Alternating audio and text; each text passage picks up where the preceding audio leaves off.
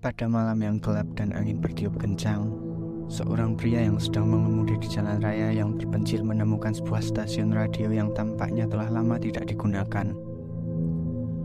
Meskipun ada beberapa kebisingan yang aneh dan suara-suara tidak jelas yang terdengar di balik siaran radio yang bising, pria itu memutuskan untuk membiarkan radio menyala sebagai penghibur selama perjalanan panjangnya. Namun, Semakin lama dia mendengarkan siaran radio, semakin aneh dan menakutkan siaran itu terdengar.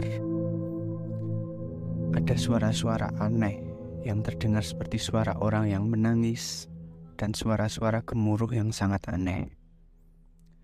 Terlebih lagi, pria itu mulai merasa seperti ada seseorang yang mengikuti mobilnya.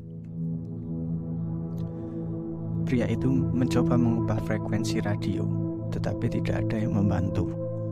Suara-suara yang mengerikan tetap terdengar. Ketika ia memperhatikan lebih dekat, dia menyadari bahwa suara-suara itu adalah suara saudaranya yang telah meninggal beberapa tahun yang lalu. Saat itu, pria itu menyadari bahwa ia telah dikejar oleh hantu saudaranya yang telah menjadi bagian dari siaran radio yang menakutkan itu. Pria itu berusaha untuk keluar dari mobil dan berlari. Tetapi ia merasa seperti terperangkap dalam mimpi buruk dan tidak bisa bergerak.